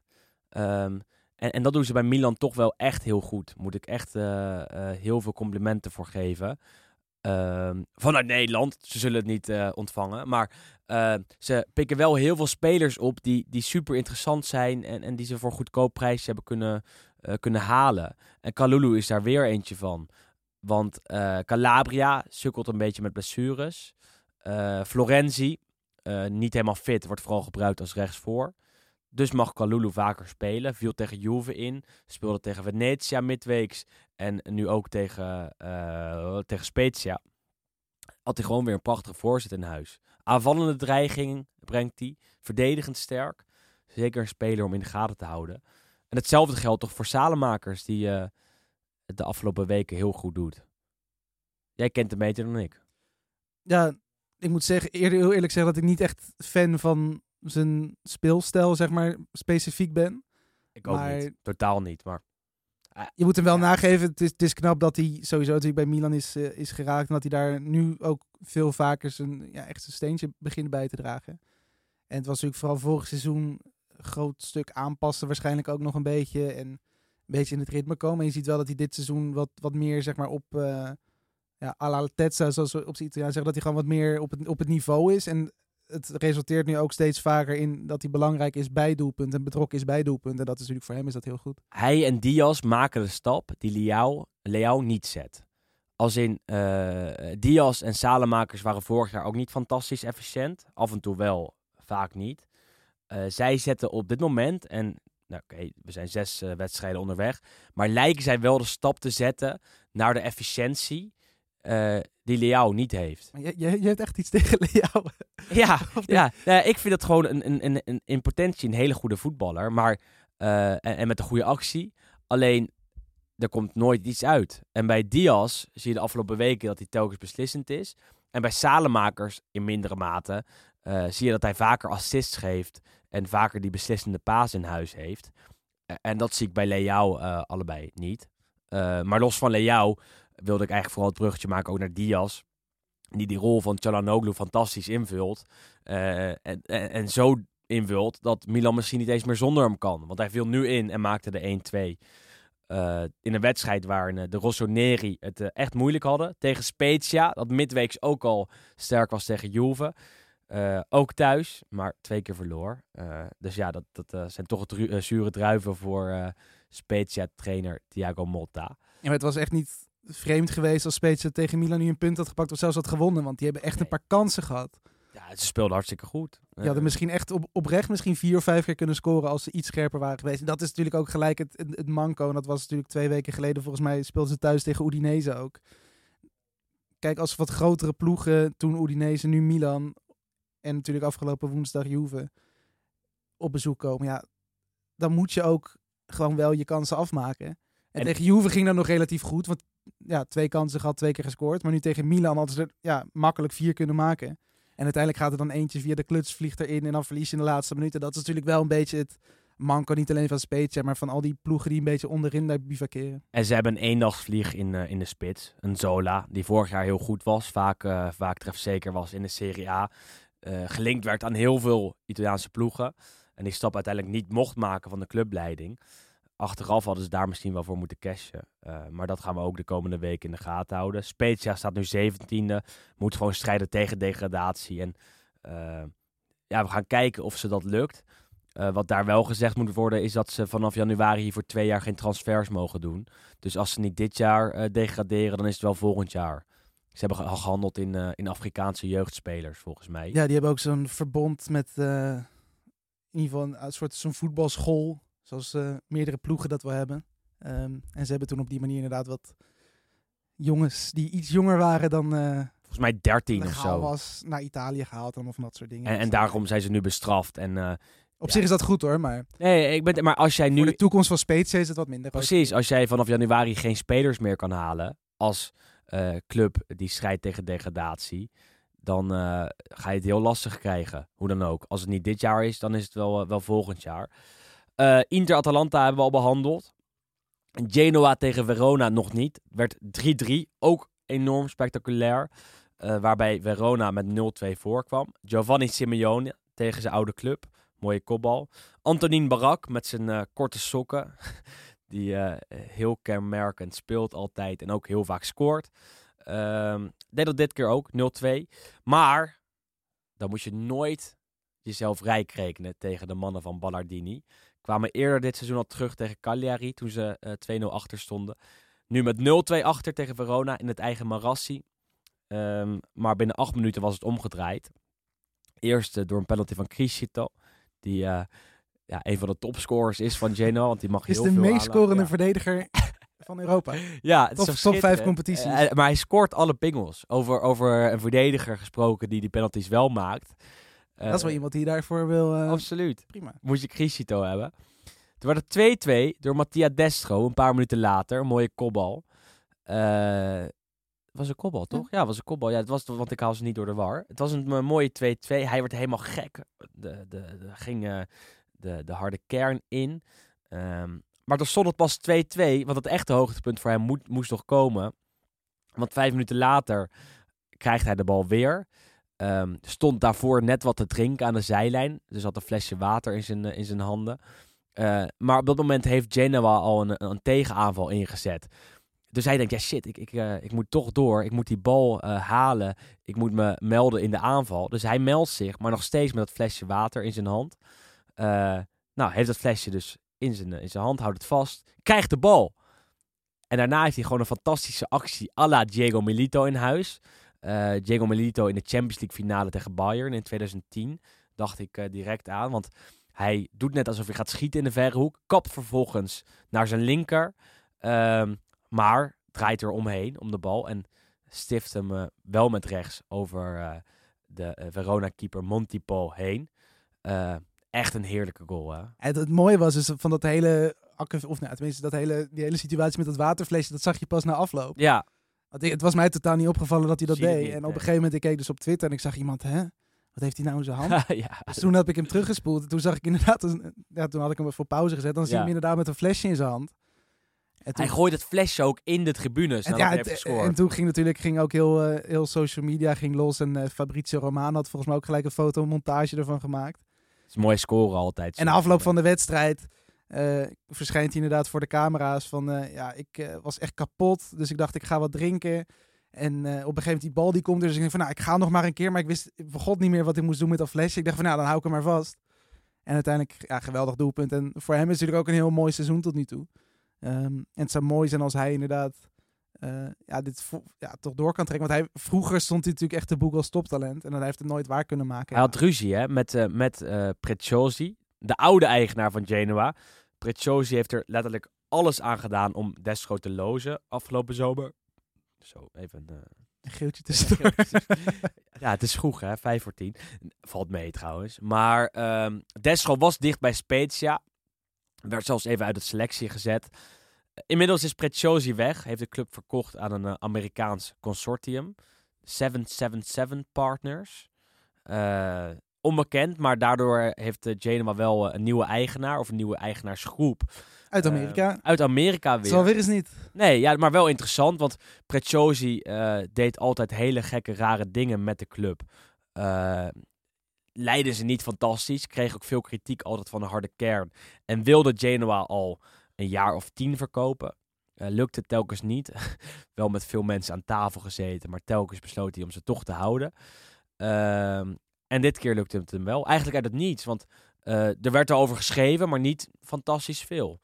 Ehm, En hij blijft zelf nog wel eventjes werkzaam om zeg maar, de overgang van clown naar Amerikaanse Ja. eh, degelijkheid misschien... eh, van speelgoedfabrikant naar Amerikaanse degelijkheid. Niet verkeerd. om, dat, nee, om dat een beetje te, te, te, ja, soepel te laten verlopen. Dus dat is in ieder geval denk ik ook wel nog deels goed. Alleen je mag hopen dat hij wel al zijn macht een beetje kwijt is. Maar het werd 3-3 daar uiteindelijk, eh, voor de duidelijkheid. Want Verona maakte nog gelijk. En na afloop van eh, die wedstrijd komt Ballardini, de Genoa-trainer, voor de camera's. En hem wordt gevraagd hoe hij over Ballardini denkt. of over Preziosi denkt. En Ballardini antwoordt... nou ja, ik heb veel aan hem te danken. Maar hij heeft het me wel heel moeilijk gemaakt door de jaren heen. hij is vier keer door me ontslagen. Ja, dat is natuurlijk... Ja, Vier keer toch? Drie keer. en ja, drie keer ontslagen. keer En dit is de vierde Vier periode dat hij daar zit. ja. Maar de vorige keer bijvoorbeeld dat hij werd ontslagen, werd er gezegd... Ballardini is een goede trainer om een seizoen te redden. Als je die aan het begin van het jaar daar neerzet, dan is het echt een grote uh, miskukel. Mooie relatie is dat. Want Preziosi zei dat ook altijd in de media. Dus die- ik heb het idee dat die mannen nooit met elkaar spraken, maar altijd alles via de media deden. Dat, dat ze altijd eh, mooie uitspraken over elkaar eh, ja, tevoorschijn toverden. En nou was het aan Ballardini de taak om ja, de, de knock-out uit te delen. Want hij zit er nog. Hij leidt de En club gewoon- niet meer. En Preziosi niet meer, dus ja. en dat was ook gelijk een van de kijkersvragen over wat nu het nieuwe... Ja, wat die 777 partners, die hebben trouwens ook een minderheidsaandeel in Sevilla. Dus die zijn wel een beetje in de voetballerij gedoken de laatste jaren. Maar wat die Genoa kunnen brengen. En dat is natuurlijk wel iets wat interessant is. Want Genoa is totaal geen eh, stabiele ploeg geweest de laatste jaren. Heel veel, ja, wat je zegt met Ballardini, heel veel ontslagen. Eh, heel veel, eh, een heel groot verloop van spelers komen en gaan uit alle hoeken van de wereld. Ehm, en je ziet nu wel, als je kijkt naar de ploegen die worden geleid door Amerikanen. Het gaat, op zich gaat het vrij aardig. Spezia wordt ook door Amerikanen Spezia en. Venetië als de kleinere ploegen. Ja, Roma, Bologna de laatste jaren natuurlijk ook als eh, toch wel weer, die, ja, weer een beetje vooruit gaan. absoluut. Ja. Dus is daar, alleen daarom is het wel interessant om te zien hoe de ze Serie het, eh, B ook nog wat ploegen. zeker. Jota Copina, die duikt overal op. Is het nu weer bij Spal geloof ja, toch? die heeft al vier Italiaanse clubs gehad volgens mij. Begon bij Bologna al. Begon bij Roma, toen naar Bologna. Ja, bij- bij Roma net, toen werd hij weggepest door Palotta. Toen kwam hij bij Bologna. Toen zat ik vaak op de tribunes. Eh, werd er in de Serie B, toen Bologna daar, eh, daarin speelde, werd er al gezongen. Taco, Bi- Taco Pina portaci in Europa. Breng ons naar Europa. nou ja, dat is er tot nu toe nog steeds niet van te pas En gekomen. toen ging hij naar Venetië. Toen was hij van plan om Catania te kopen. En uiteindelijk is hij bij Spal terechtgekomen, geloof ik. Ja, nou ja, de- als je- zoveel ambitie hebt om, om, om een eh, Italiaanse club te leiden, nou ja, dan eh, koop je maar en koop je maar. Tot nu toe nergens echt geslaagd. Ehm, maar ja, eh, bij- bij Genoa kan het wel wat moois worden. Het is natuurlijk een prachtige club. Ehm, de oudste club van Italië. En, niet te vergeten, negen keer kampioen geweest in het verleden. Misschien brengen ze wel eh, de, de eerste ster naar, eh, naar de Rosso Blue. Ja, dat zal nog wel een paar jaar Het zal nog wel een paar jaar duren. Ehm Juve Sampdoria zondagmiddag. de vroege wedstrijd. Eh, want Juve speelt midweeks in de Champions League tegen Chelsea. Ehm, ja, vorige week wij, hadden wij een lange discussie over de crisis of niet bij eh, de Bianconeri. Inmiddels hebben ze twee keer gewonnen. Twee keer nipt. Eén keer van Spezia met 2-3. Eén keer van Sampdoria met 3-2. Tevreden? Ja, puur op punten wel. spel. Maar kijk, dat is dus een beetje het, het gekke. Want ik was best wel tevreden na die wedstrijden tegen Napoli en Milan om het spel. En dan krijg je helemaal, of ja, je krijgt één punt. En nu zie je twee wedstrijden waarin het spel weer, ne- nou, grote delen van de wedstrijd echt nergens op lijkt. En dan pak je opeens zes punten. Dus het is, het is heel, eh, ja, hoe zeg je het? Paradoxaal misschien. Mooi, mooi gezegd. ja. Ehm, maar goed, ja, het is ja, vreemd. En het, het grote ge- gevoelsmatige probleem is dat Juve goed kan spelen, heel veel kansen kan krijgen en dan van de tien kansen of de tien schoten één keer scoort. En dat een tegenstander 9 van de 10 keer dit seizoen praktisch met het eerste uitgespeelde kans is gelijk een doelpunt. En dat is heel frustrerend. En Ja, nu het was tegen... ook niet goed, hè? Nee, natuurlijk, het was niet goed, maar dat zeg ik ook. Het feit dat, ja, elke kans van de tegenpartij gaat er sowieso in. Mede doordat Chelsea natuurlijk niet zo goed seizoen draait, dan pakte die nu de laatste twee wedstrijden wel een paar goede ballen. Wanneer was de laatste clean sheet van Juve in de Serie A? Inmiddels 19 wedstrijden geleden, toch? 20 geleden, ergens eh, 13 maart of zo. Ja. Dat zijn natuurlijk allemaal van die dingen dat je denkt van, er, ja, er gaat natuurlijk gewoon echt iets niet goed. Maar ja, je zoekt ook defensief naar eh, aanknopingspunten. Alleen als je ze dan soms ook bij vlagen zo slecht ziet verdedigen en dat letterlijk elke kans erin gaat, ja. Ja, Dybala, Dybala maakte de 1-0. ja, dat is dus nu het vervelend tegen Exact. Sampdoria. En dat gaf natuurlijk wel een beetje de, de, de zure nasmaak. Dat je de eerste 20 minuten tegen Sampdoria speel je echt heel goed. Aan de hand van Dybala vooral. Ehm, ja, geweldig doelpunt, 1-0 Juve. En dan denk je van, nou goed, als Dybala het inderdaad op zijn heupen krijgt. En het, het, het zag allemaal, ze speelden eindelijk weer met een beetje zelfvertrouwen die, die eerste periode. En dan op een gegeven moment zie je ook een shot. En eigenlijk uit het niets zie je opeens Dybala zijn armvoerdersband aftrekken. Helemaal aan tranen naar de kant gaan. Dan denk ja god, het is weer zover. Dybala geblesseerd. Uiteindelijk, nou, komt dan 2-0 door een penalty. Ja, stom, handsbal. Beetje goedkoop. Beetje goed kwam. Kan Dat er zijn gewoon die vervelende handsbal penalties. Daar kun je niet echt iets tegen doen. Hij- eh, vooral hier had ik aan het begin, toen het de scheidsrechter hem gaf, dat ik dacht, ja, hoezo is dit een penalty? Maar In de eh, herhaling. in de herhaling zie je dat eh, eh, ja, de, de handen toch wel ver van zijn lichaam heeft. Eh, maar ja, Chiesa schiet zo hard tegen die handen op. Ja, het is, het is een soort shoot wordt het dan altijd, vind ik. Eh, aan de andere kant, terecht de pingel 2-0. Yoshida 2-1. Ja, maar dat, dat bedoel ik, want het was dus... Sampdoria had 43 minuten niet geschoten. Het eerste schot wordt uit de hoek getikt door Chesney. Daarop volgende corner vliegt er gelijk in, 2-1. Ik van, ja, toen stuurde ik volgens mij in onze groep al van... Nou, dit, dit schreeuwt weer om puntverlies. Want die balen was dus al uitgevallen. En eh, ja, goed, het leek gewoon ook echt nergens op. Toen begin tweede helft weer een paar kansen eh, voor Sampdoria. Uiteindelijk dan in de mooie actie. Eerst van Chiesa, daarna van Kulusevski en Locatelli schiet ze eerste binnen. Ehm, ja, weer een paar minuten, of ja, 10, 20 minuten later kan Dreva 3-2. Die trouwens fantastisch speelde het hele seizoen al. Tutto Campista. Op Ja, het hele veld. Hij komt de bal op links ophalen. Hij komt de bal op rechts ophalen. Hij komt de bal in het centrum ophalen. Hij verdeelt het spel. Hij neemt de vrije trappen. Hij neemt de corners. Hij scoort. Ongelooflijk. Ja, het is, ik, vind, ik vind het knap. Ik vind, ook wel, ik vind sowieso ook wel een, een, een, mooie speler in de zin van... Het is wel iemand die... Frustrerend wel, het weet is je wel niet? frustrerend, maar het Ja. is wel iemand met een, gewoon ook een hele goede traptechniek. En ik denk dat dat natuurlijk zeker bij Inter er misschien niet helemaal is uitgekomen. Dat hij Is de eerste, eerste niet echt gelukt is, zeg maar. Hij heeft, hij heeft wel een paar keer eh, belangrijke goals gemaakt. Tegen Milan. eh, een paar mooie voorzetten. Maar zijn frustrerende actie is dat hij op rechts komt, voorgeeft en altijd de verdediger raakt. Eh, en daar word je gewoon op een gegeven moment heel moe van als je dat heel vaak ziet. Heb ik ook heel veel Doriani horen zien zeggen. Maar dit seizoen is hij echt efficiënt. Want hij geeft voor, hij doet alles. Eh, en deze goal was ook een goede goal. Tenminste, hij moet hem maken, Ja, maar hij legt dit hem wel goed in. Dus toen, toen hield ik weer natuurlijk mijn hart vast. Ja. En uiteindelijk trekken ze het dan over de streep. En dan sta je ook als Mogol sta ik dan gewoon ongeveer te juichen in, de, in mijn woonkamer. Ja, Allegri is- is... een loveback. Dat is gewoon het punt. Allegri die gaat...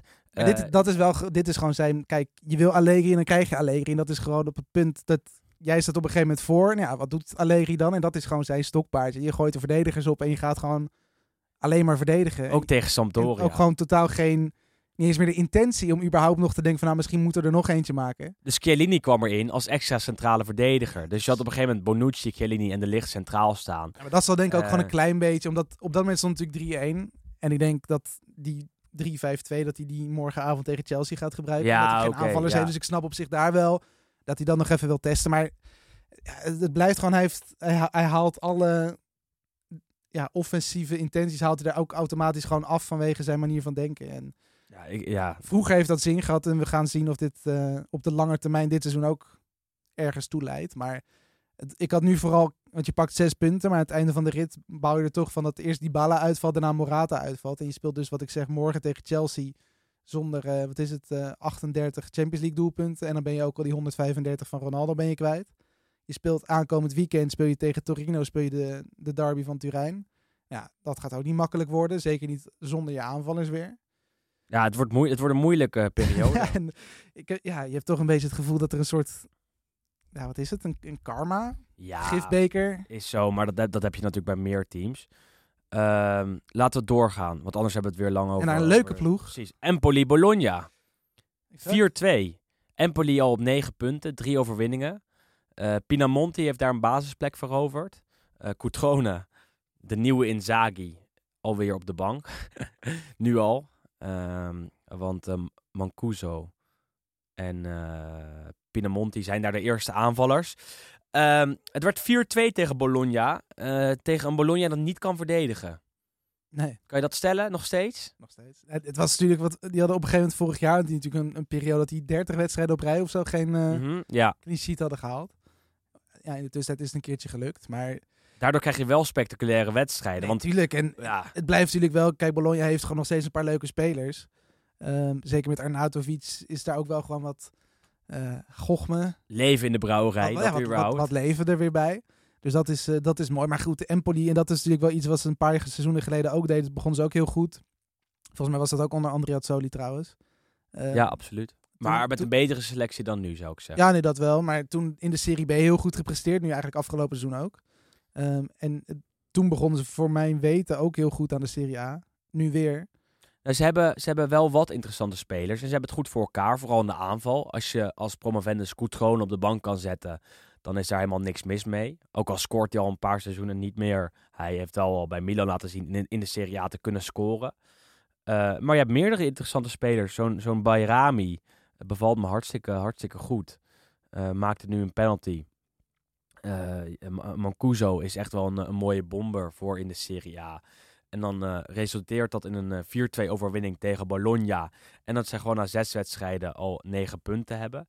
Bologna had wel vijf, zes, zeven keer kunnen scoren. Dat is nog wel een, een, een, een- zorgwekkend iets voor drie ballen op de lat, geloof ik, Ja. de hele wedstrijd. Ja. Vier. Waarvan drie van Arnautovic, die helemaal gek werd.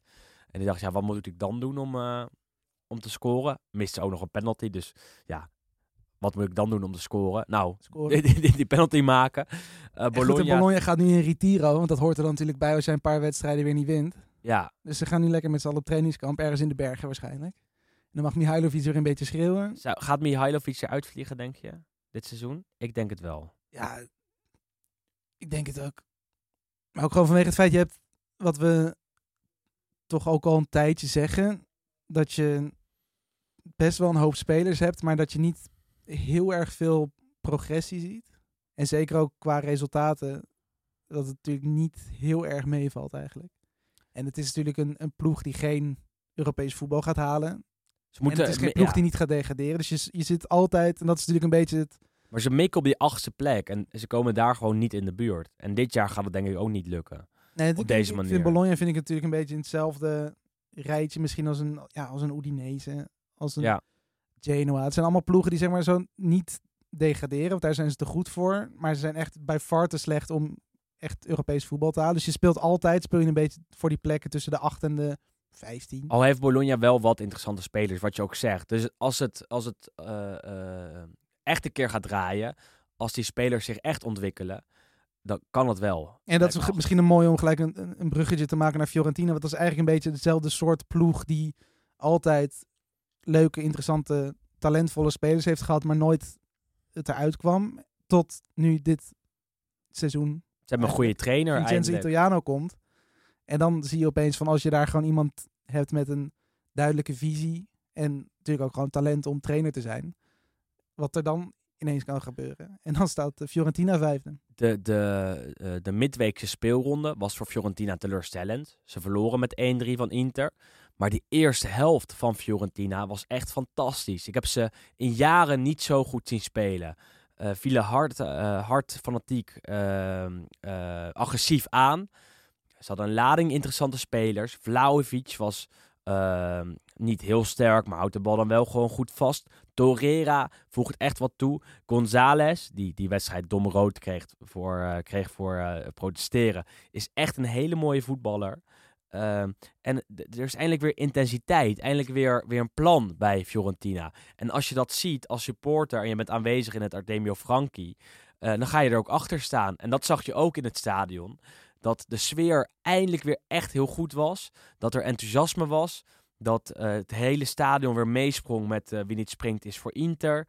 Ehm, ja, en, en dat zijn wel leuke dingen om te zien, vind ik. Want Fiorentina is echt een hele mooie club. Eh, ik heb er een zwak voor. Dat, dat eh, zeg ik Ja, maar altijd. ik denk dat heel zo. praktisch iedereen die Italiaans voetbal een warm hart toedraagt. Ja, een, een mooie club uit Florence. Dat is toch, toch fantastisch. Die ook nog met de prachtige tenue spelen, vaak. En eh, in een mooi stadionnetje de wedstrijden afwerken. Nou ja, dat, dat, dat kan alleen maar mooi zijn. En tot nu toe is het dat dit seizoen ook. Want ze staan op dit moment gewoon op een vijfde plek met 12 punten uit zes wedstrijden. En Italiano, die, die, die moet het gewoon gaan leiden naar, eh, naar waar ze kunnen eindigen. En ja, dat is dit jaar plek 8, 7, zoiets. Ja. Who knows? Ja, maar wie weet daar schipstrand. En eh, echt wel leuk om dat in de gaten te houden. Sassuolo won met 1-0 van Salernitana. Ja, eh, weinig nieuws. Berardi maakte het beslissende doelpunt. Napoli 2-0 Cagliari. Ja, het is, het is op zich tegen Cagliari. Kijk, dat zijn natuurlijk wedstrijden die je moet winnen, want Cagliari is nog steeds heel, heel matig. Maar de dodelijkheid nog steeds van Ozyman en ja, dat- ik, ik, vind, ik vind wel... Even die midweekse erbij pakken, toch? Want je hebt... Ja. eh, da- daar had je Sampdoria 0-4 Napoli. Ik heb nog steeds... Ja goed, jij, jij hebt- zei het volgens mij gisteren ook nog, nog wel wat twijfels over de lange termijn. Absoluut. Omdat natuurlijk zeker op het middenveld eh, is natuurlijk de spoeling vrij dun daar. Dus op een gegeven moment ja, komt er een moment dat je moet roleren. En dan heb je gewoon niet zoveel meer. Ik heb meer dan twijfels. Ik weet het zeker. Ja, nee, goed. Maar dat is natuurlijk ook gewoon een beetje het hele gebeuren wat je de laatste jaren ziet bij Napoli. Dat op een gegeven moment valt het een beetje, maar niet per se in elkaar. Maar er gaat altijd is er een moment op in het seizoen dat het wat misgaat. En dan heb je meestal een, ja, natuurlijk ja, de president, de voorzitter, de Laurentiis die zich ermee gaat bemoeien. En je hebt, meestal heb je een trainer die het niet rustig kan houden. Ehm, en je hebt nu met Spalletti denk ik wel iemand die juist daar wel goed in is. Dus dat is natuurlijk sowieso iets interessants. Maar om ook gewoon nog even bij het positieve te blijven. Napoli wint al zijn wedstrijden dit seizoen. En het is echt vaak ook met goed spel. En het is ook heel dodelijk. Want praktisch elke eerste kans gaat er gelijk in. Het was nu tegen Sampdoria Osimhen na 10 minuten. Het was nu tegen Cagliari Osimhen na 11 minuten. Maar Osimhen maakt zijn eerste kans. De tweede en derde mist hij. En dan scoort hij weer de vierde. Ja, goed, kijk, Hij, hij kan nog efficiënter worden. Hij is fantastisch, alleen hij kan nog efficiënter worden. Hij moet het ook worden, denk ik, in de belangrijke wedstrijden. Ja, En dat is wel interessant om te zien, want ik zag van de week zag ik ook een, een statistiek inderdaad van die laatste wedstrijd Uh-huh. van, van Osimhen, inclusief eh, het speelde volgens mij met Nigeria nog een keer een wedstrijdje en een paar oefenwedstrijden voor het seizoen dat hij volgens mij in de laatste tien duels hij volgens mij acht of negen keer gescoord. Maar de enige topwedstrijd die daartussen zat tegen Juve heb je hem niet gezien. Absoluut. Dus, Dus, eh, hij- dit- er is heel moet veel beter Er worden. is verbetering vatbaar, maar je moet kijk, het begint natuurlijk ook met scoren tegen de kleine, de kleine ploegen. En dan kom je ook tot 20. Alleen, eh, eh, even eh, voortbordurend op die twijfels. eh Koulibaly... Zo. Kijk, dit is altijd het moment na een uur dat, dat mijn kaken... Je water is op. Precies, ja, dat is het. Mijn spraakwater, Wes. Nee. Koulibaly komt uit Afrika. Zambo Anguissa komt uit Afrika. Osimhen komt uit Afrika. Eh, zij gaan allemaal naar de Afrika Cup in januari. Eh, en dat is een periode waarin Napoli tegen Juve speelt en tegen Inter. Dat is een periode waarin ze, mijns inziens, veel punten gaan verspelen. Eh, en, en waarin eh, de, de lange termijn plannen van Napoli wel eens gedwarsboomd kunnen gaan worden. Want dit zijn drie spelers die op dit moment al onmisbaar zijn. Koulibaly is bezig aan een goed seizoen. Samuel Anguissa hebben we al een keer behandeld, maar dat wil ik echt heel graag nog een keer doen. Want hij heeft het middenveld van Napoli absoluut versterkt, veranderd. En de beste aankoop van dit seizoen. de beste aankoop van dit seizoen over de hele Serie A gezien, denk ik. Want hij doet alles en het is echt eh, genieten. Osimhen eh, breekt door. Eh, was dat vorig jaar al aan het doen, maar vaak geblesseerd, ziek geweest. Dit jaar is hij er, eh, scoort hij eh, eh, vaak. Kan tot de 20 goals gaan komen. Als je hen mist en moet gaan vervangen, ja, dan kom je toch stuk voor stuk bij spelers uit die, die minder sterk zijn, die minder beslissend zijn. En vallen die nog eens weg, hè? stel je hebt nog een blessuretje dan. Stel Mertens is op dat moment geblesseerd of Petagna. Ja, dan, dan, moet je toch met, met echte B-garnituur starten. En ga je het heel lastig krijgen tegen Inter thuis en op bezoek bij Juve. Eh, en dat is mijn grote zorg. En los van die Afrika Cup ga je ook nog de eindspurt krijgen. Waarin eh, Napoli het met zo'n dunne, smalle selectie gaat laten afweten. Want je kijkt naar Inter, je kijkt naar Juve, je kijkt naar Roma zelfs. Eh, al denk ik dan dat Roma misschien niet meer meedoet om de titel. Maar die hebben allemaal een, een, een bredere selectie. Milan ook, trouwens, dit jaar. En Napoli haalde daar echt niet bij.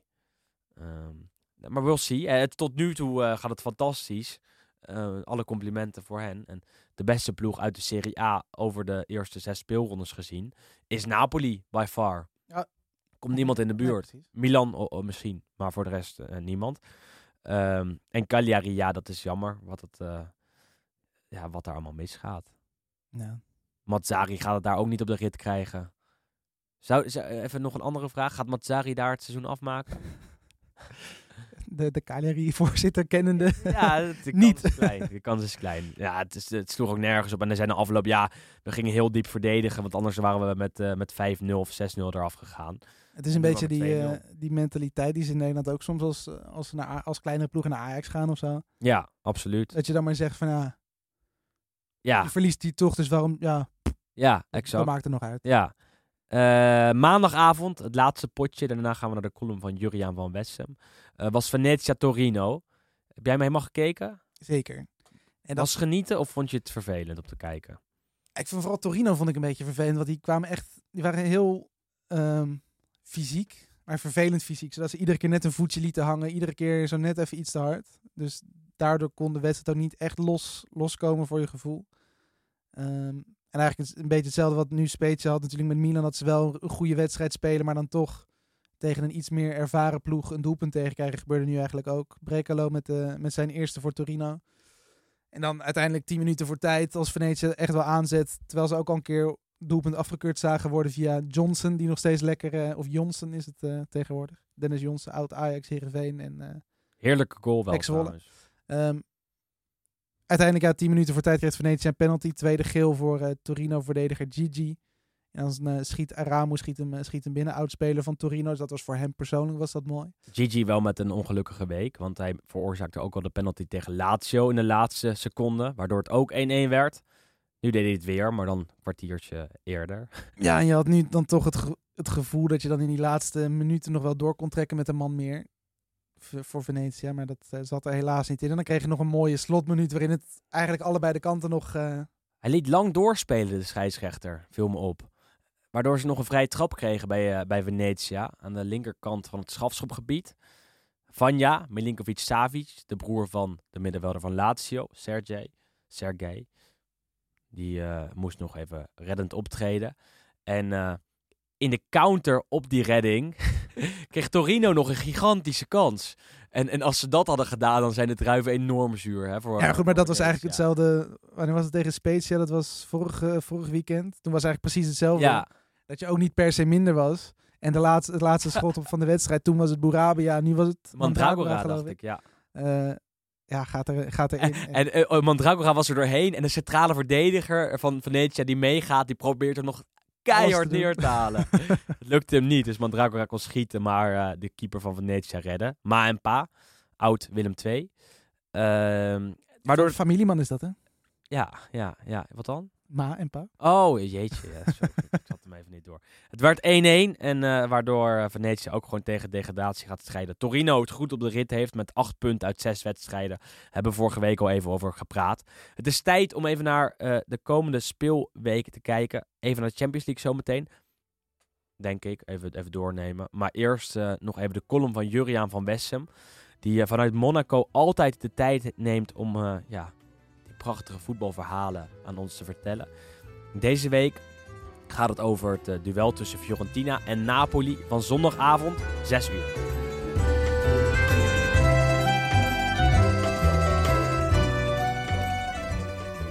Napoli gaat komende zondag op jacht naar een zevende overwinning op rij. De ploeg van Luciano Spalletti draait geweldig sinds een paar weken en is nu een serieuze titelkandidaat. Het is de vraag hoe lang de ploeg deze serie kan volhouden. Alle eigen records, zelfs die van de Magica-ploeg uit 1987, zijn al gebroken.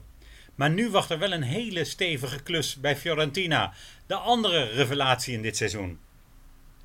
Fiorentina-Napoli is vooral een geweldig duel van twee ploegen uit historisch grote steden en eigenlijk ook tegenpolen. Het zijn vaak boeiende confrontaties en we moeten niet net doen alsof beide supportersgroepen makkelijk door één deur zouden kunnen. Ook in Florence hebben de Napolitanen het vaak zwaar te verduren gehad met bedenkelijke spreekkoren. Sportief was het zeker ook niet makkelijk voor de Napolitanen. Zoals drie jaar geleden nog bleek toen Napoli in Florence de hoop op een scudetto in rook zag opgaan. In de jaren 80 begon Napoli één seizoen met een 5-1 nederlaag in Florence. De waarschijnlijk voor jullie onbekende spits Paolo Monelli was de held van de middag met drie goals. Hij vormde samen met Daniele Massaro, de latere Milan-held, een verrassend duo dat Fiorentina had opgespoord bij Monza. Ruud Krol wist niet wat hij die middag meemaakte. Het was voor hem snel duidelijk dat Napoli in dat seizoen vooral tegen degradatie zou moeten vechten, terwijl Fiorentina serieus om de Scudetto zou strijden. Anderhalf jaar later won Napoli wel in Florence, met een winnende goal van Maradona in de sneeuw. Ik heb hem al vaak benoemd in deze podcast. Het was het begin voor mooiere tijden van de Zuid-Italianen. Weer twee jaar later was Napoli de ongeslagen koploper halverwege het seizoen op weg naar de eerste Scudetto, maar het verloor juist die ongeslagen status in Florence. Het werd toen 3-1 voor de Paarse ploeg dankzij Ramon Diaz en Giancarlo Antonioni, die toen waarschijnlijk zijn laatste chef-d'œuvre toonden. Maradona scoorde tegen en het werd nog zelfs even spannend, maar in de slotfase zorgde Paolo Monelli, daar hebben we hem weer, met een schot van eigen helft voor het derde doelpunt. Florence was voor één middag weer trots als een pauw op de voetbalclub. Het Giovanni Berta, zoals het Artemio Franchi toen werd genoemd, spatte uiteen van trots. Het waren nog de jaren dat beide clubs in de geraffineerde shirts van het modehuis Nicola Racuglia speelden, oftewel NR. Andere tijden, maar wel heel mooi. En bij Fiorentina Napoli denk ik zeker ook aan Prins Klaus. In oktober 1985 zat hij drie rijen onder me op de eretribune. Hij wilde het fenomeen Maradona eens in het echt in actie zien en had bij het stadion kaarten laten neerleggen. Maar de koninklijke hoogheid zat incognito tussen de wijnboeren uit de Chianti en werd niet herkend. Of ik met de persman van Fiorentina even mee kon komen en hem wilde aanwijzen, want Fiorentina wilde de speciale gast graag een aandenken geven. Hij zat daar in een frisse polo op de tribune. Ik wees hem van een paar meter afstand aan. Is dat echt jullie koning? Vroeg de persman. Nee, de prins-gemaal van de koningin, antwoordde ik. Even later kreeg hij een speldje van Fiorentina, maar waarschijnlijk had hij liever een aandenken van Diego gehad.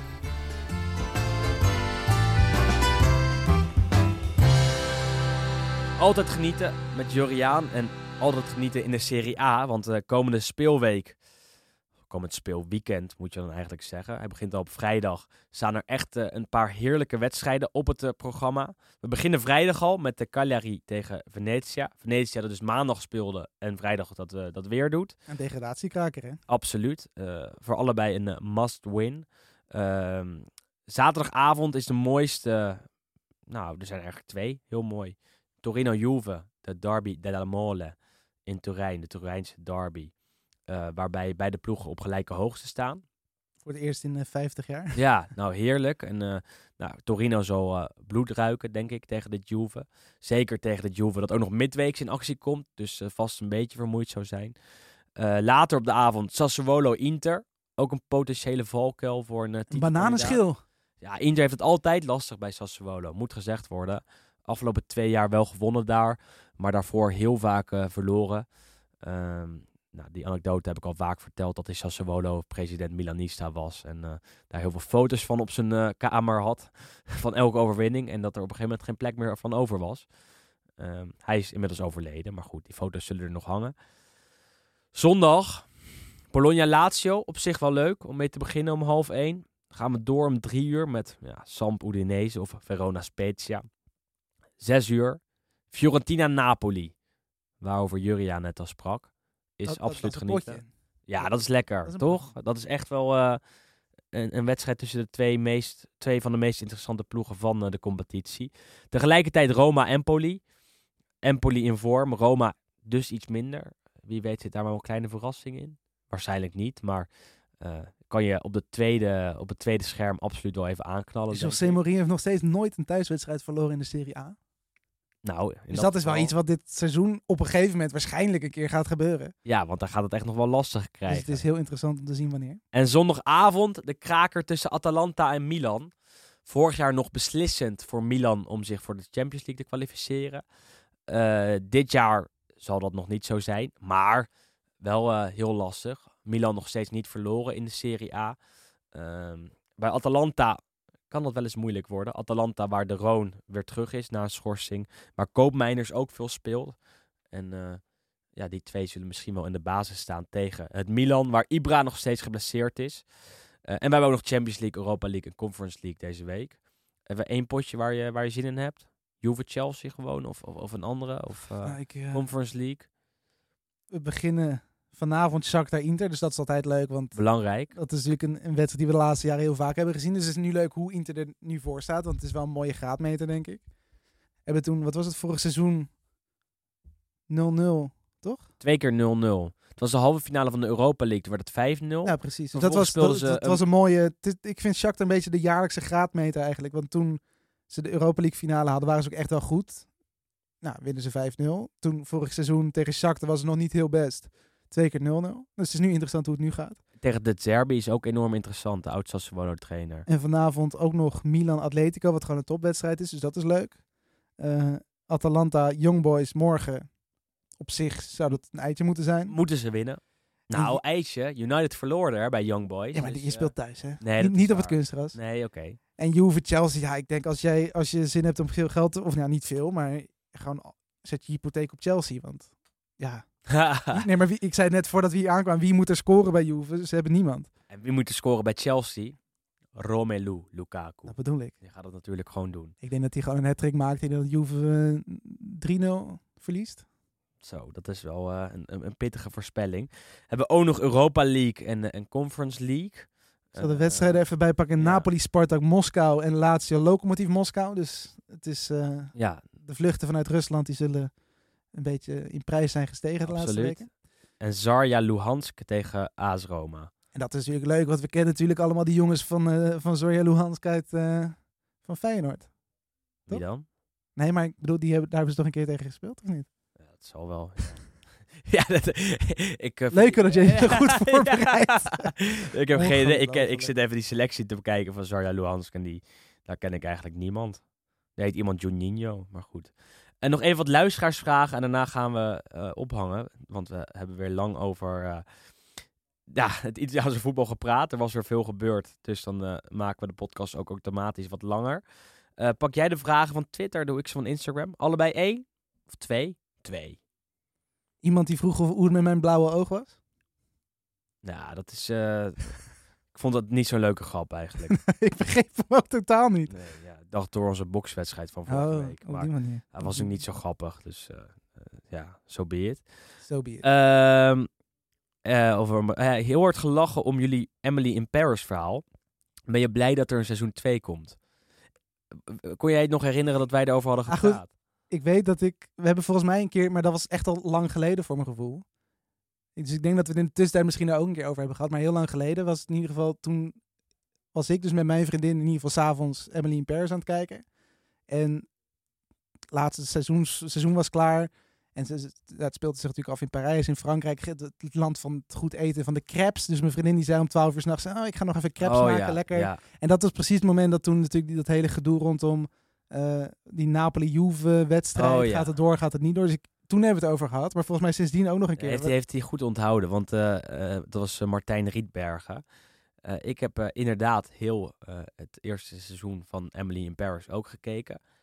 Maar zonder vriendin. Dus, Dus dat is wel erg. dat is wel erger. Ja, maar ook in bed. Gewoon als je het even aanzet. En je, ja, ik, seizoen ik kijk twee het staat maar er ook op. Ik ben een fanatieke seriekijker. Ik kijk Ja. nu ook The Squid Game. Een Zuid-Koreaanse serie. Aanrader. Nou aanrader. Wel leuk om even weg te kijken. Ehm, gaat Donnarumma in de winterstop weg bij PSG? Want ja, hij zit daar op de bank. Ja, hij gaat het vanavond spelen. Zijn Champions League debuut. Wat ook heel gek is om te zeggen van een keeper die voor je gevoel al heel lang in de top speelt. Ehm, of in ieder geval een topkeeper is. Of in wording is. Nee, absoluut topkeeper. Ehm, vind ja, ik. hij gaat vanavond schijnt zijn debuut maken. Maar ik, ja, ik, ik, kan niet, ik kan me niet voorstellen dat Paris Saint-Germain hem ook zoveel geld behaalt. En ook zoveel moeite doet om hem überhaupt naar Parijs te halen. Om hem dan vervolgens gewoon niet te gebruiken. Dus ik neem aan dat hij daar op, op relatief korte termijn eerste doelman wordt. Ik denk dat ze gewoon wachten tot het moment dat misschien Navas een keer een foutje maakt. Dat ze een soort van legitieme reden hebben. Ik moest wel lachen om de foto afgelopen weekend waarbij Icardi en Donnarumma samen naast elkaar op de bank zaten. De derby op de bank. Ja, de derby op de bank en Icardi nog wel eens eh eh, Donnarumma verschalkt in de laatste seconde. Zeker. Tegenwoordig samen bij PSG op de bank. Dus ja, nou ja. eh, Icardi zou gewoon bij elke Italiaanse club nog in de basis staan, denk ik. Bijna Ja, maar het zou me inderdaad, ik denk voor beide spelers. nou goed, Donnarumma. Donnarumma is te, te, te snel, Natuurlijk, zou ik ik, zeggen. ik, zou gewoon voor die kans gaan. Dus het feit dat hij nu alweer aan Juve werd gelinkt, vind ik een beetje ver gaan. Maar zeker Icardi, ik denk dat mochten... Ja goed, Milan zal het niet doen, maar een Juve een spits zoeken die toch nog wel doelpunten kan maken. Ik zou deze Zo winter zeker een poging maken. En Roma is inmiddels al, eh, al bezet, de spitspositie. dus eh, ja, daar werd hij wel ook aan gelinkt de afgelopen jaren. Ehm, ja, dat was hem denk ik voor Dat deze week. Het was, eh, het was weer leuk, het was weer gezellig. Jullie bedankt voor het luisteren. Bedankt dat je deze hele podcast hebt uitgezeten voor bijna anderhalf uur. Ehm, heb je tips, hints, trucjes? Laat het allemaal weten via de social media kanalen. Eh, heb je suggesties voor een gast? Dan eh, kan je dat ook gewoon even laten weten. We zijn te bereiken via Lostadio NL op Twitter en Lostadio op Instagram. Dat Instagram-account moet je sowieso volgen, want daar komen alle mooie creaties van Wesley vooral eh, op terecht. Onze photoshopper. Dus ja, die, die verdient meer likes, vind ik eerlijk gezegd. Daar kan je ook vragen insturen en ons even een chatbericht ja, ook sturen. Bedankt aan eh, Friends of Sports, FC Afkikken. En eh, wij zijn er volgende week gewoon weer. Dan duiken we de studio in om half negen 's ochtends, Wesley. Veel koffie nodig. Maar wel bij de, de, de vrienden van Microfilm Media, die zetten wel goede koffie. Absoluut, dat is absoluut. En Sophie zorgt altijd goed voor ons. Ehm, en dat is, ja, nee, ja, dat komt allemaal goed. Het komt allemaal goed. Half negen, gewoon wekkertje. En daarna, Je bent een volwassen kerel aan het worden, jongen. nee, goed hè. Ik, eh, ik sta tegenwoordig vaker vroeg op. Nou ja, volgende week weer. Tot dan. Tot de volgende. Ciao, ciao.